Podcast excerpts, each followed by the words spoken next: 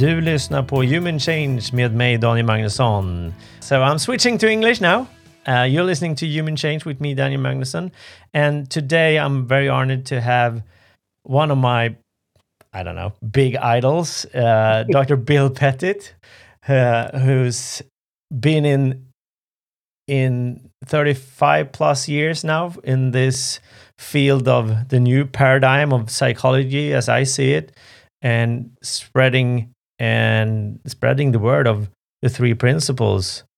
And uh, and also a former psychiatrist. Not in practice anymore in that kind of way if i understand it right. But still are you spreading the the knowledge? So welcome bill. Thank you. Thank you daniel. Yeah. Yes i'm i'm i retired from clinical practice at the end of 2018. So, uh, and uh, I graduated from medical school in 1969. So that means um, I'm 52 years out from medical school graduation. I don't know how that happened, but I guess one day at a time, like life does. Yeah, exactly. Uh-huh.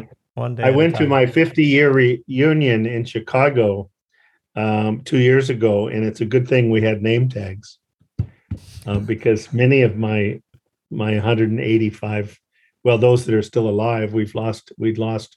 Surprisingly, I thought surprisingly we don't. I think we lost about 18.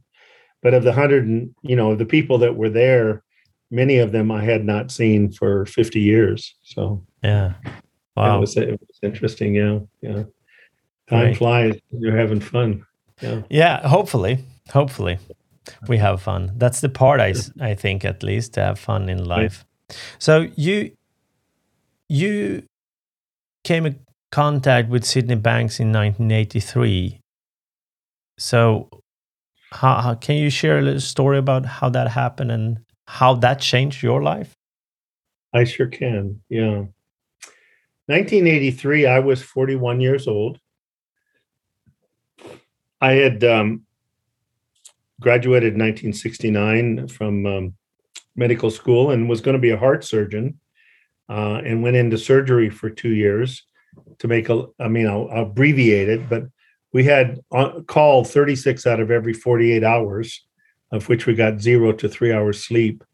And uh, and and twice a twice a month we were on for 60 hours in a row and then off for 12 and back on for 36 and uh, and, there's a reason I'm sharing this because I I remember one time where I was awake for I, I slept for twice for 45 minutes during a 60 hour period, taking care of everything from automobile accidents to uh, heart, you know, to um, to um, all kinds of injuries and all kinds of surgeries, and um, in a 900 bed hospital in Chicago and I I got exhausted. I really got exhausted, and so after two years, and I gave them notice, I left psychiatry. I mean, I left surgery, and I was immediately um, given notice for the Vietnam War that I was uh, my deferment had ended, um, as I had been deferred for five years to complete a surgery, full surgery training before I went in the service. So I then spent two and a half years as a doctor for a squadron of Navy pilots.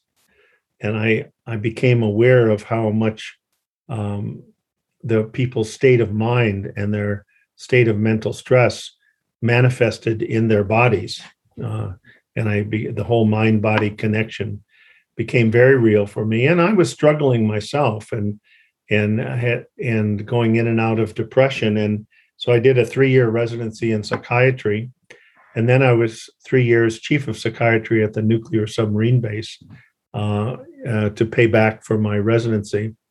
And then I left the Navy and I left psychiatry because, uh, Daniel, I just didn't see people getting well. I, I, I got pretty darn knowledgeable about the medications and and I saw them give people temporary relief. The medication.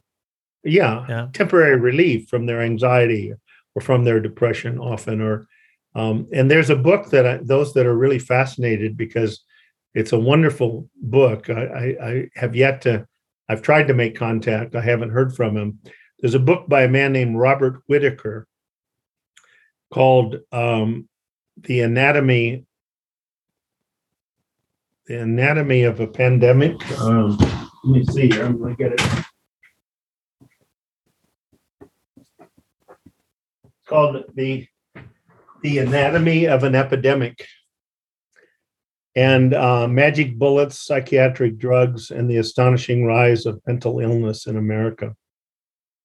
He's a Pulitzer, he's a prize winning investigative reporter. And he, um, anyway, he shows that since we really got psychiatric medicine 60 years ago, the rise of illness and disability has literally had a upward trajectory.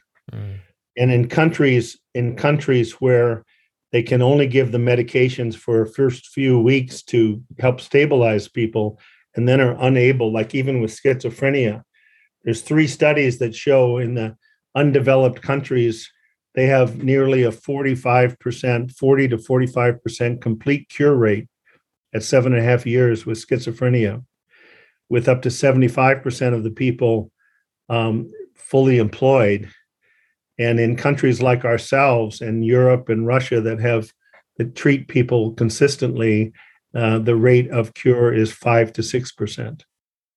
Okay, so so when how I interpret that is that when they only medicate them for a while, they actually getting better and get cured. Right, because because universal mind has the ability to to get people back home.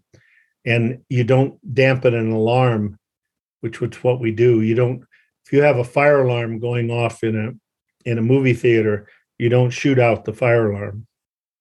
No you find the fire and you and you put out the fire. And that's what this talk is going to be about this morning about becoming aware of what the fire is and and where to get the water yeah. and that already and so uh, I know that I got off track there a little bit, but I so I left psychiatry.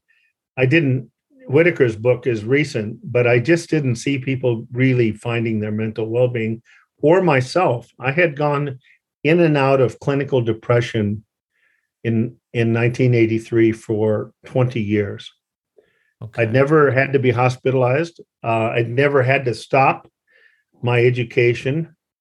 Uh, through six psychiatrists that I saw, I was able to make it through college, make it through medical school, make it through my residency, but literally probably running about 60 to percent of my capacity because I was so much in my own mental stress. And um, so I left, uh, and I'd failed at a marriage of nine years. I got divorced. I had two little children. And I went to California and took a job where I traveled around the country doing personal growth trainings, five day personal intense, very intense Gestalt uh, oriented personal uh, growth trainings. Uh, Washington, D.C., Philadelphia, New York City, uh, West Coast, up and down uh, in the Northwest, Canada, I mean, Arizona, Colorado, California, Oregon, and I even went to Tokyo, Japan one time and did a training in in Calgary, Canada. And the programs um, the programs were based on the only way out is through, and and uh, they were very confrontive. Um, and it was I was I became the actually the national program director for that company. It was called LifeSpring, and it was kind of a uh, second to what was called EST in the United States and later the Forum. And uh, I through that I through my secretary actually I met George Pransky, who you I'm sure you've heard of. Yeah. And then he told me about I listened for about two hours to George one day in early probably February or March. And I listened to him for two hours talk about I don't know that we even talked about the principles back then, but he talked about what he had learned from this man named Sid Banks that had changed his life. his changed his marriage, changed his own life in an incredibly towards the direction of peace. Uh, and and his ability to help people. Uh, he had he was get, getting a reputation in the Bay Area, San Francisco Bay Area, that people were bringing hopeless quote cases to George Pransky, and more often than not, the people were awakening to mental well-being. And I was curious. So after two hours of listening to him one afternoon at a hotel in, in Richmond, California, I if you would have been waiting for me, Daniel, at the coffee shop and said, Bill, is this really as big as they're touting it? Is this really a breakthrough in the field of mental health as big as Einstein's breakthrough in 1905 with his three papers on relativity? And I would have said to you, you know, Daniel, I think it is. I think it's that big but I really can't tell you much about it. Mm. It has something to do with the power of thought and how we're using it every moment of our life. I think that's about as close as I could have come. And and it and it points to it points to creation, what's behind life. What's the nature of what's behind life? Is it benevolent? Is it beneficent or is it judgmental and punishing like so many of us have been told? um, because that's what Sid Banks said when he came out of it, his experience. If those people that want to listen to it on the on the um, the third of the Long Beach lectures, when he came out of his experience, and his son David was there, he was 12 years old. He Sid said, after three days and the culmination of this powerful experience, he said, "I've seen. I'm home free." I've seen what people call God is. I've seen what I've seen what life is. And I've seen how the two are connected. Now, anytime you mention the word God, people immediately initially think you're either talking about a religion or a cult. and this is not a religion. This understanding of these three principles of universal mind, universal thought, universal consciousness. It is not a religion. There is no prescription of behavior. There are no rituals. Uh, there's nothing that you you have to believe. Mr. Banks, if you listen to him, the first thing he says is, "Please do not believe anything I say," which is yeah which is unusual, yeah. right? And, and it says and, also, don't listen to my words. well, and he, yeah, he says, don't listen to my words, but he and he and he says, when I say don't believe, because if you believe me just because I say it, then you've become a follower. But it's okay to be a listener. If we really have wisdom and truth inside of us, and if you listen with a quiet mind and something touches that place of wisdom within you and you see the truth in that, then it's yours. It's not mine, it's yours. And we had to convince Sid at 70 years of age in 2000, 27 years after his experience in 1973, we had to convince him to do those videotapes because he did not want followers. And we said, Sid, we know that, but you're 70 years old. You're not going to live forever. We need to have the videotapes. And he and he saw the truth in that, so he did them. Mm. Um, but I don't know of any cult leader that waits 27 years before he uh, uses videotapes to spread the message. right. Yeah. So, True but but I can see why uh, people get confused because to me it is a theology. It's it's a it's a view of what people what was there before the Big Bang. That is one of total benevolence, of total. Sid would say of that what's behind life is pure love and understanding. Pure love and understanding. No judgment, no punishment. That was made up. Now, for those people that are listening that that's their beliefs sid would be the first to say and me would say hold on to whatever is true for you as long as it's true. All this is is is asking you to point to the evidence that that's not the way it is. And and one of the one of the silly ways that i talk about this daniel maybe you've heard me say it is i say did do you know that there in all 195 countries that there is an organization based on unconditional love? Are you are you aware of that daniel? No. no? You didn't know that? Do you know are you curious of what the name of it that organization is? Yeah. I mean, 100, all, if that was really true, if that was true, that there was an organization in all 195 countries based on unconditional love, that would at least make one question whether that wasn't at the source of life, right? Because it couldn't be, how could it be present to that degree if it wasn't emanating from the source, Yeah. right? So, do you want to know the name of that organization?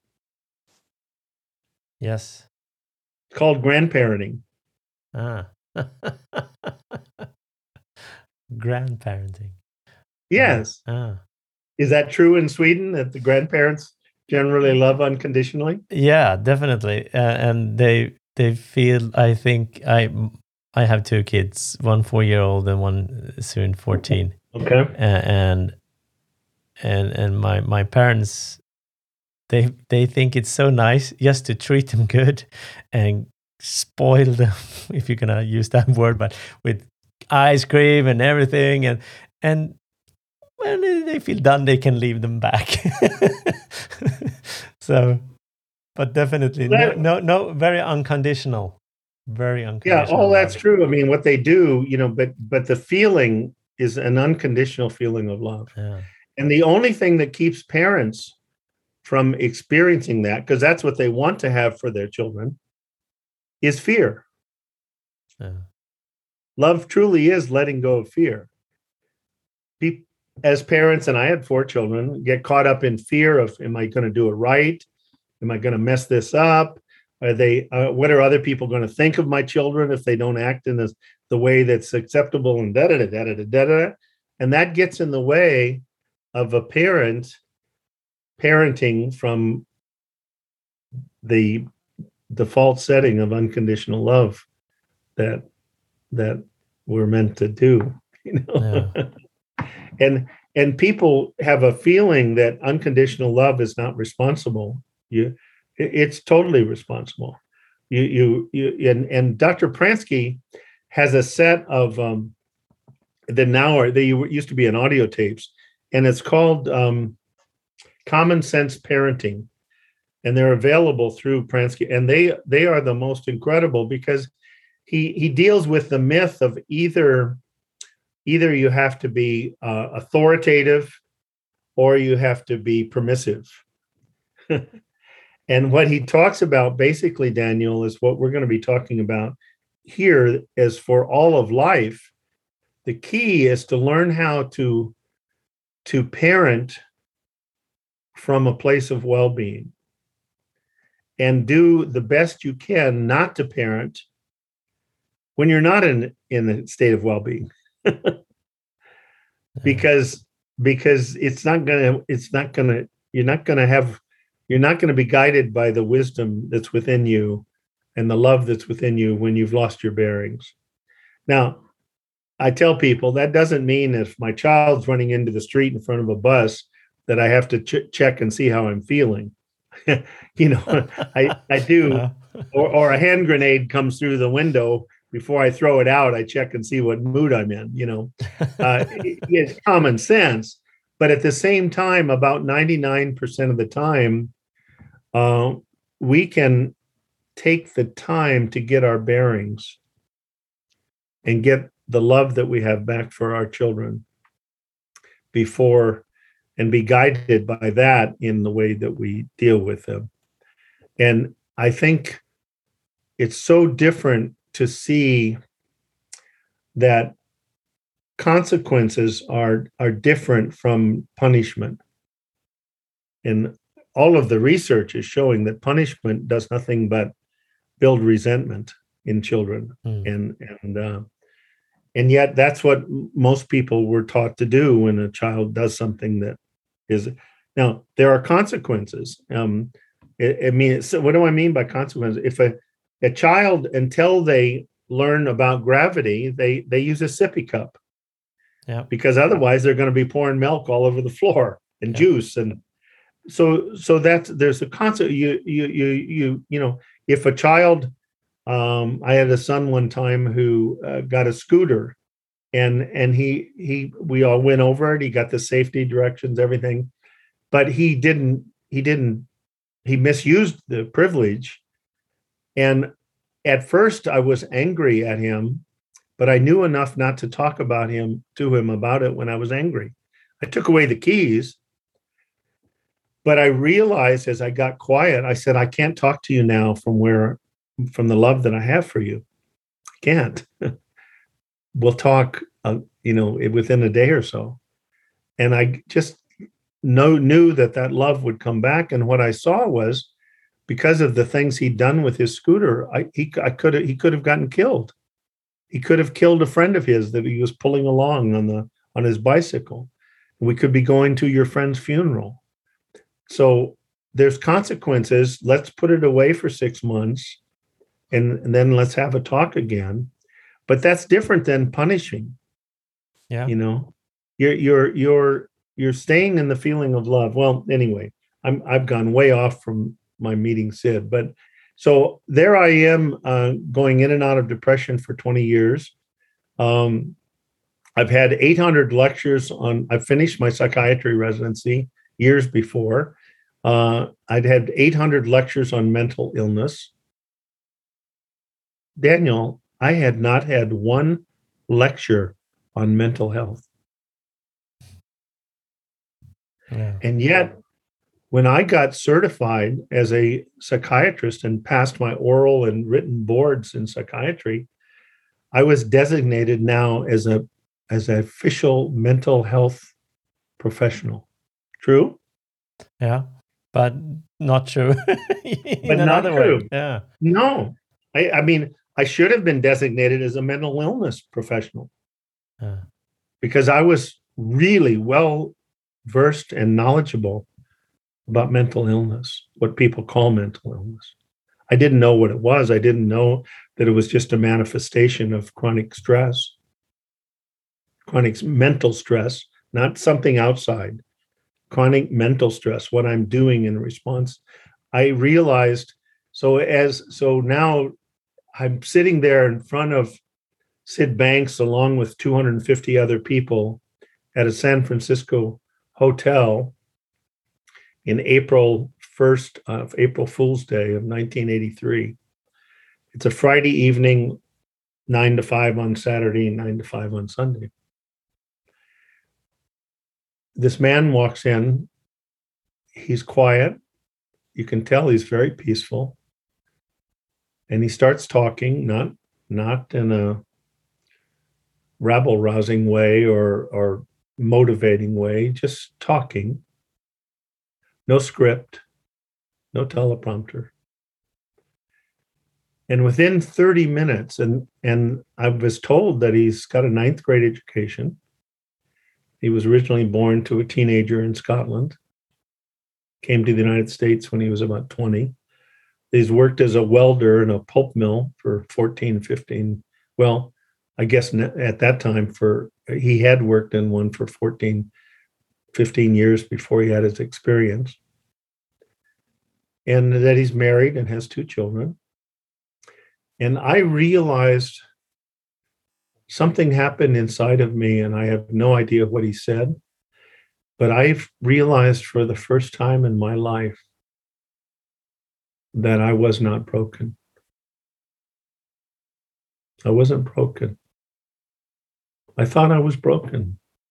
I mean, even when I wasn't depressed,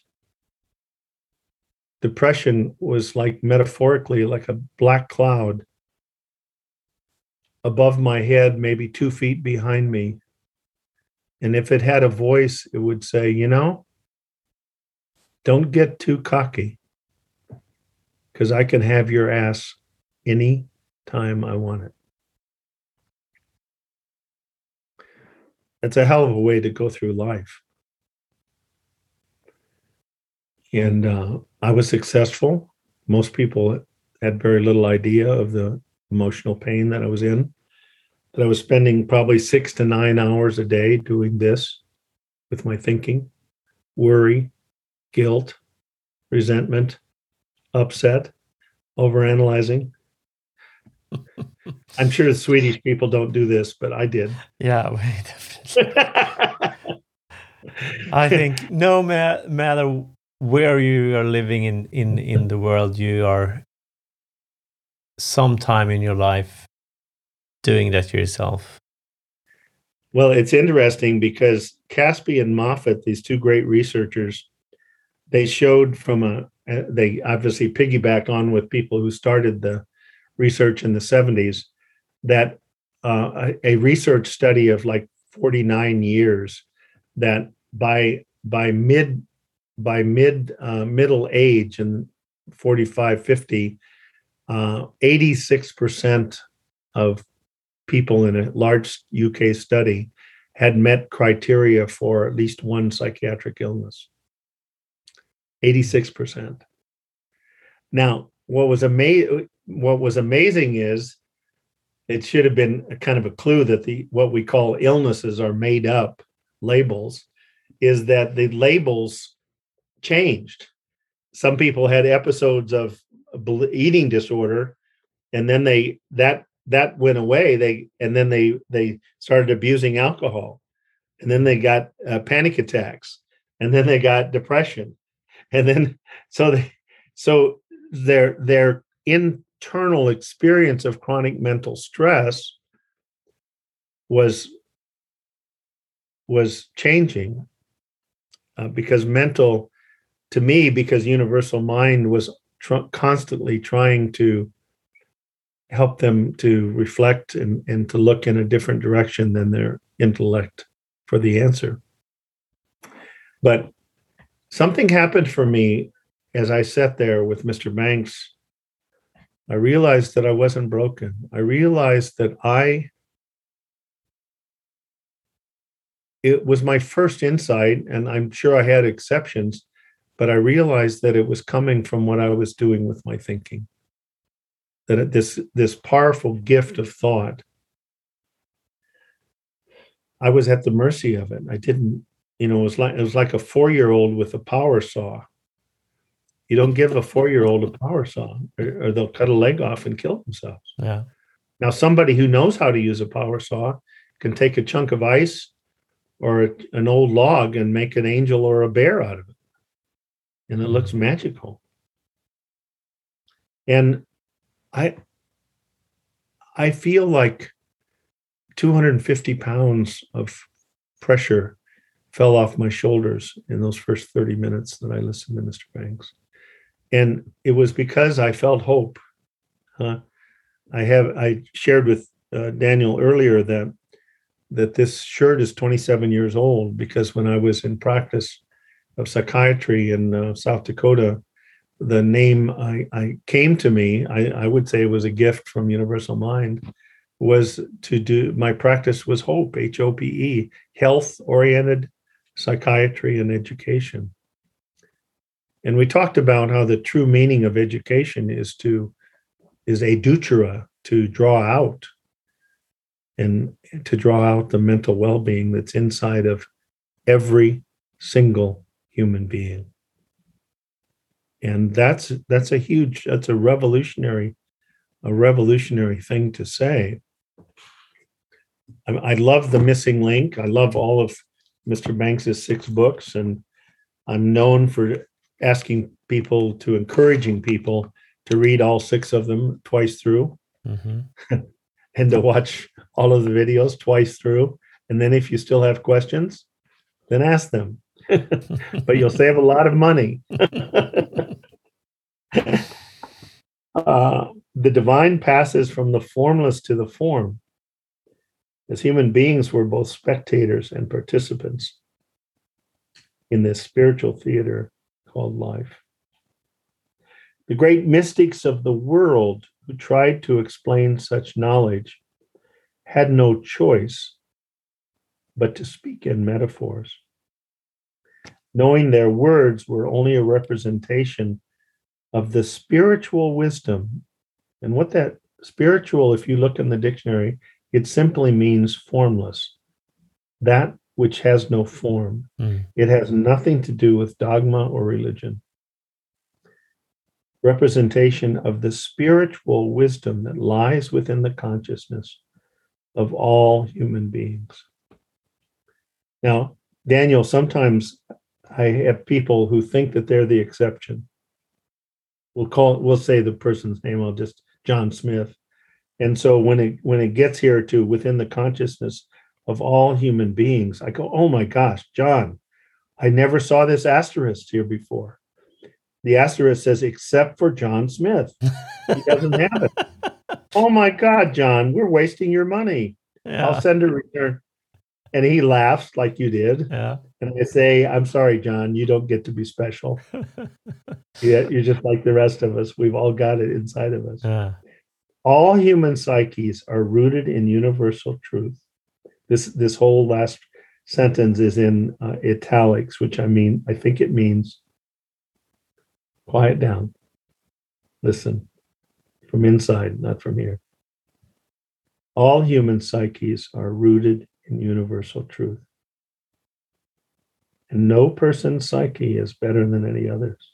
That's a powerful statement. What about the people in the mental hospitals? What about the people that haven't spoken for 10 years? Only to the degree of the individual's psychological and spiritual understanding does it appear to vary. So I got a glimpse of that on April 1st, 1983. I I had always thought that because I had alcoholism on both sides of the family, I had um, depression on both sides of the family. I had at least suicide on one kind of side of the family, and in recent years have suicide on both sides of the family. I thought it was in my genes. I thought I was screwed. I thought the best I could do was survive. And I realized that there was something formless that couldn't even be scratched, let alone damaged. And that to the degree that I got an understanding, uh, uh, uh, insight-based understanding, not not just a cognitive understanding, but an insight-based understanding of the connection between the spiritual and the psychological, um, then I would be fine. And and that's been a 38 year journey of incremental insights.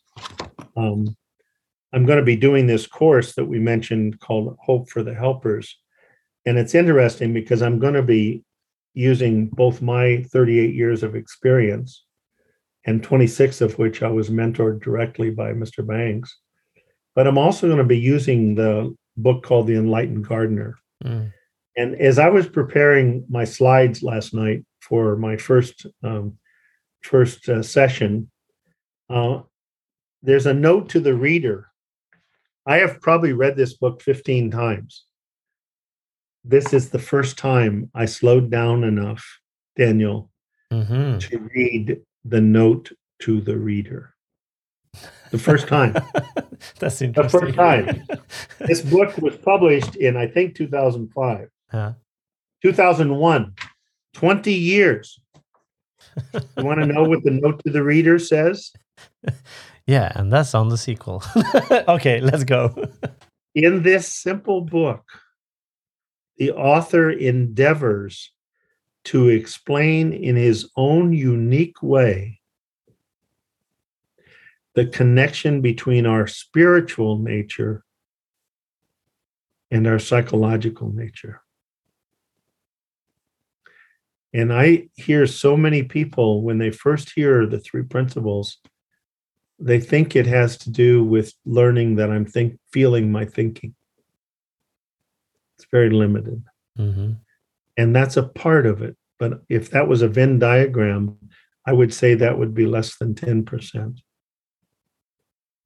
Because if you don't understand the connection between our spiritual, our formless nature, and our psychological nature, when crisis comes, when something happens, you're to, that you feel overwhelmed, you're not to know how to, where to look and how to, how to access the guidance system that within, is within all of us that will guide us through anything, anything.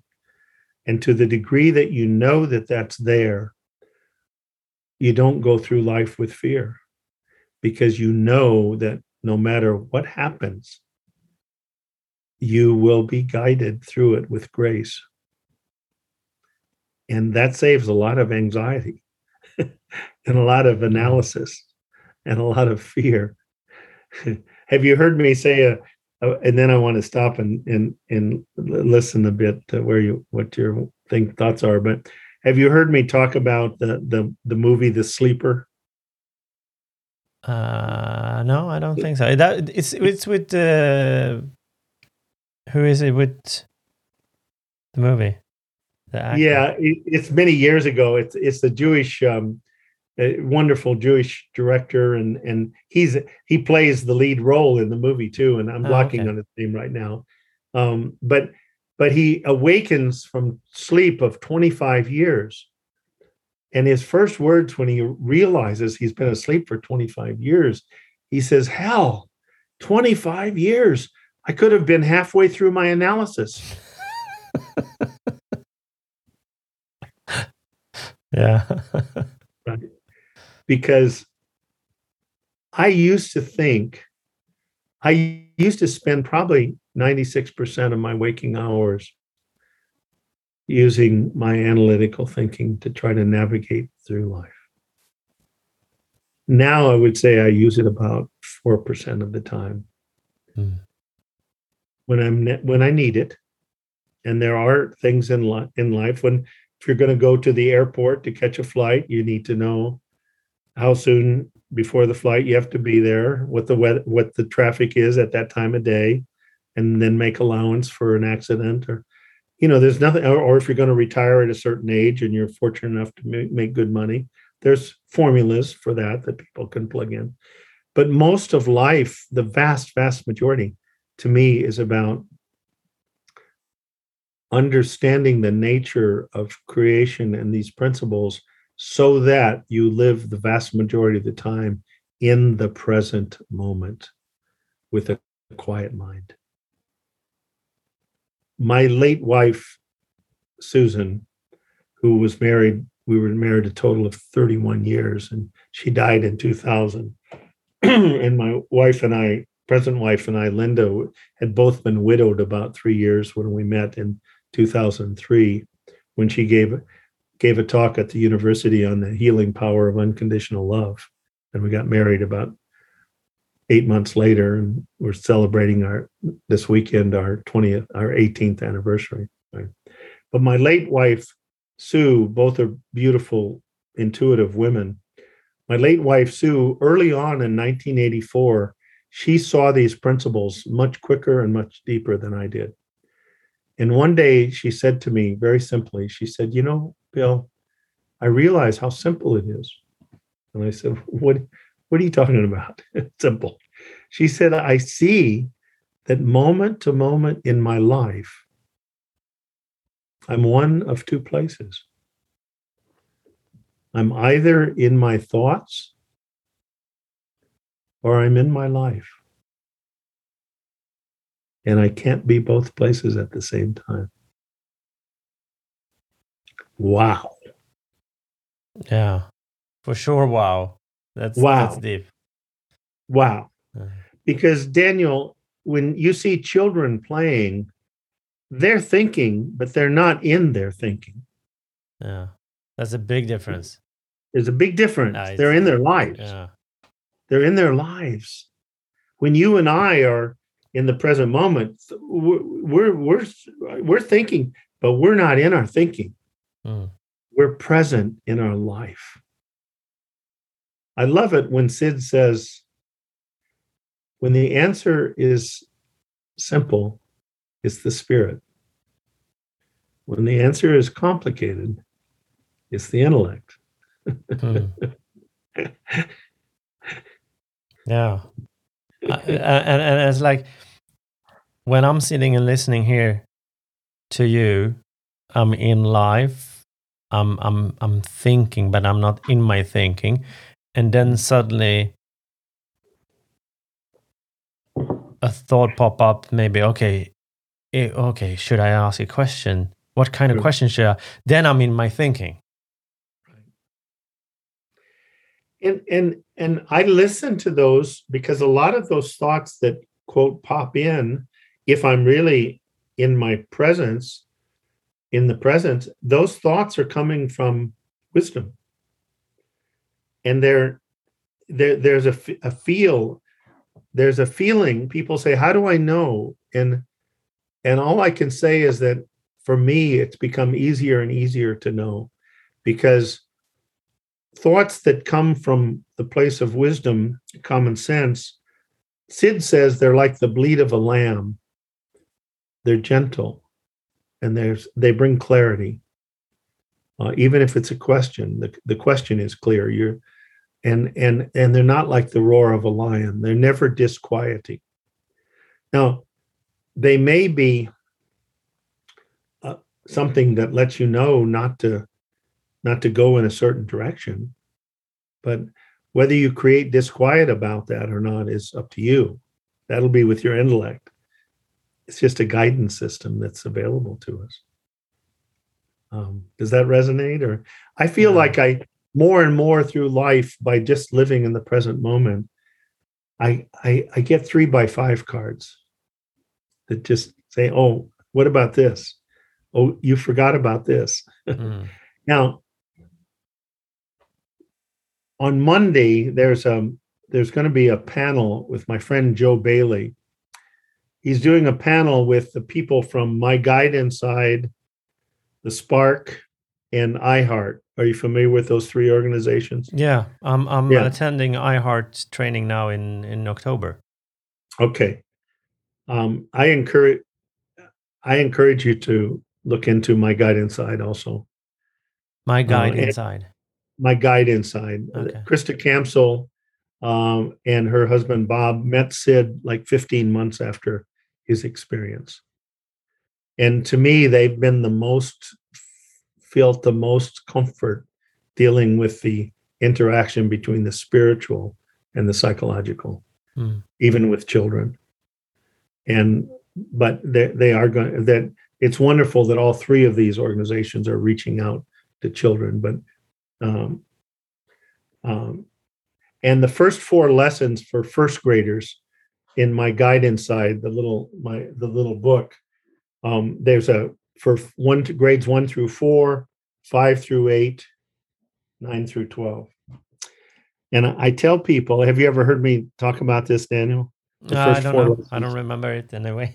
the first the first four lessons i tell people these are for first graders and in 26 and a half years of education i never had these first four lessons and if i had my life would have been so much more gentle and the lives of people around me mm. would have been so much more gentle. So I'm going to, and it won't take long because all I'm going to do, you see the little blue thing here? yeah. I'm going to read the first four lessons and imagine that you and I just met, we're first graders, and these are the first four weeks. They they do a lesson a week and they have activities and stuff to help us understand it and to think what our lives would have been like. I tell people if all the adults in the world took these first four lessons for a week at a time and explored them, um, the world would change within four weeks dramatically. Mm. Chapter one, first week. Let's learn something new. You have a guide inside. It's wisdom and common sense. Everyone, big word, not just because of how many letters it has, has everyone has this guide inside. Just look for the feeling. You can trust your guide. It points you in the right way. I didn't know that. No one ever told me that. I thought my only thing was to analyze, Mm. go round and round trying to figure it out. I didn't know that if I allowed my mind to quiet, I could hear a wisdom that was playing 24 7. But you can't hear a flute playing if you have a marching band playing in your Mm. and I had a marching band playing in my head. Number two, second week. Huh? We've we've explored that for a week, and I we're both really excited that we realize how many how often we've we we've ignored it, but other times that we've listened to it. Number two, let's learn something new.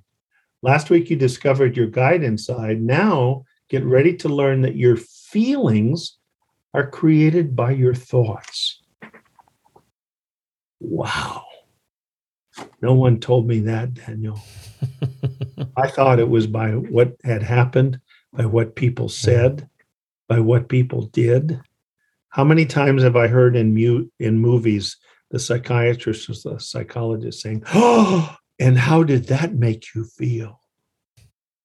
Oh, and how did that make you feel? yeah. How disempowering. Doesn't mean you don't listen with a compassionate heart, but you want to let people know that that's just not true. My thoughts create my feeling. All my feelings come from thought. I can let unwanted thoughts pass by, and the well being is present. Wow. Now, some people take that as a, a should. You mean I shouldn't ever have bad feelings? No. you're going to be, as a human beings, you're going to have them, but it's a whole lot different if when I have emotional pain, I know that the only person can create that is inside my underbritches. Yeah. Because if I really know that, then I look in a different direction than I do if I think you caused it by what you said or did to me. Yeah.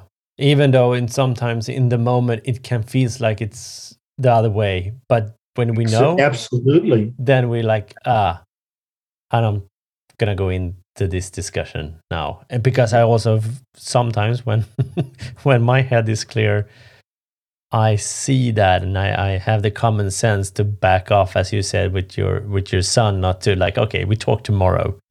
Right. Right. But sometimes it's so easy to forget that because we get caught up in the movie, as I say, or in the illusion. And we like, Ooh.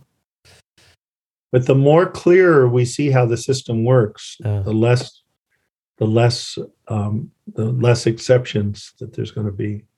I mean, if somebody came in right now while we, you and I are talking, Daniel, and they tell me that one of my four children was in a serious motor vehicle accident, and it's a question of whether they're still alive. Uh, I know that happens to people every day, but it's not supposed to happen to me. yeah, And I know that I'm going to experience some thought created experiences, but I also know that if I stay present in the present moment, I will be guided through this with grace. I know it. I know it from many, many, many examples. Because life is, has, it's going to have sudden things sometimes, whether they're financial or physical or losses or that's called life on this in this what sid sid was asked one time well what is life sid? And he, what is it he said? He said what came what it came out of my mouth was life is a divine dream suspended in um, time space and matter. Mm. and then he went what? And then he thought yeah that's true. That's what it is. To the degree that i truly know that not believe it, but know it, um, I can enjoy the journey of the mystery without fear. yeah, So, number three, happiness is inside of me. I've listened to my guide inside, helpful thoughts pop up, my good feelings are present again. as as my cloudy thoughts pass by, what then happens is I feel happy, just like the clouds can obscure the sun for briefly. It's simple to see. Happiness is inside of me. I didn't know that. I thought it was finding having a pretty girl or pretty woman think that I was cool, or winning a tennis match, or getting a high score on a on a uh, medical exam. Yeah. Or get a Lego or toys, bicycle, or yeah. Absolutely. Yeah. So, and the last one, and this is poignant because I'll give an example today that I'm still for chapter the fourth chapter for first graders. Remember, this is for first graders, the fourth week for first graders. And I've already learned I have a guide inside. My feelings are a product of my thinking, and then happiness is inside of me. Holy crap. Here's the fourth one. And I tell people after 38 years, on a good day, I'm a B minus on this one. A, B, C, D, E, F. Mhm. Okay. On a bad day, I'm a D plus to D. Are you, you are you curious what lesson number four is? Yeah, I'm curious and I'm thinking like, ah, what could it be? Okay, let's learn something new. I can see that I'm thinking fast and furious. I can choose to let it go, and I can be calm and curious. I prided myself, as a lot of people do, in being able to think fast. And there's times that's important, but in a state of presence, your thinking will be really fast, but it'll be accurate. But if you're upset in a stress state of mind, it'll be fast, but often inaccurate. That's why policemen, when they're stressed, often shoot somebody, and what they thought really looked like a pistol was an iPhone Hmm. because that part of the brain works fast but is inaccurate. But the people that are calm, that know how to be calm in challenging situations, their thinking will be just as fast, but it'll be more, more accurate because it's coming from a different place. Now, even this morning, I thought that I was doing pretty well of being pretty quiet. like a B1. Uh, Pardon? Having the score B1 in that case. Yeah, I Yeah. thought, Yeah. but you know, I, I took a nice little. Uh, just I'm I, I'm I'm coming off of vacation, so I'm going slow. I took a just a easy 14 minute bike ride, and I had my Plantronics 5200 um, Bluetooth in my ear, hmm listening to Bob Dylan while I uh, while I rode. And when I came out, I took it off and I put it in my um, running pants, and I proceeded to put my running pants in the washer Mm. with my other pants. And then I realized later I went and I and I thought, you know, it did not survive. It it uh, it met an untimely death in the uh, in the in the washer. So it cost me a hundred dollars, you know, and I'll order another one. But there's a time in my life that I'd be pissed off at myself. That I'm how stupid could I be? Oh, Uh, no, I'm grateful. I'm grateful for that early alarm. Bill, you're not going as slow and as present as you think you are. yeah. and I, I I'm grateful.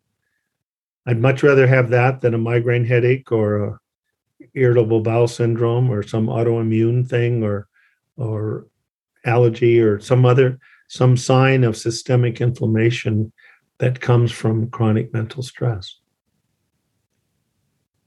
That's an early sign. This this Yeah. this universal mind is totally benevolent and totally beneficent and it's trying to guide us every moment of our life if we're present enough to listen to it but it will not take away our free will I tell people the different, and then I'll listen that my lemon tree in the backyard makes lemons. It's already got green. They won't be ripe till mid February or, or early March.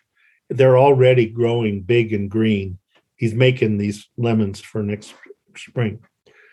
My lemon tree, like me, is a manifestation of the same universal energy that some people call divine.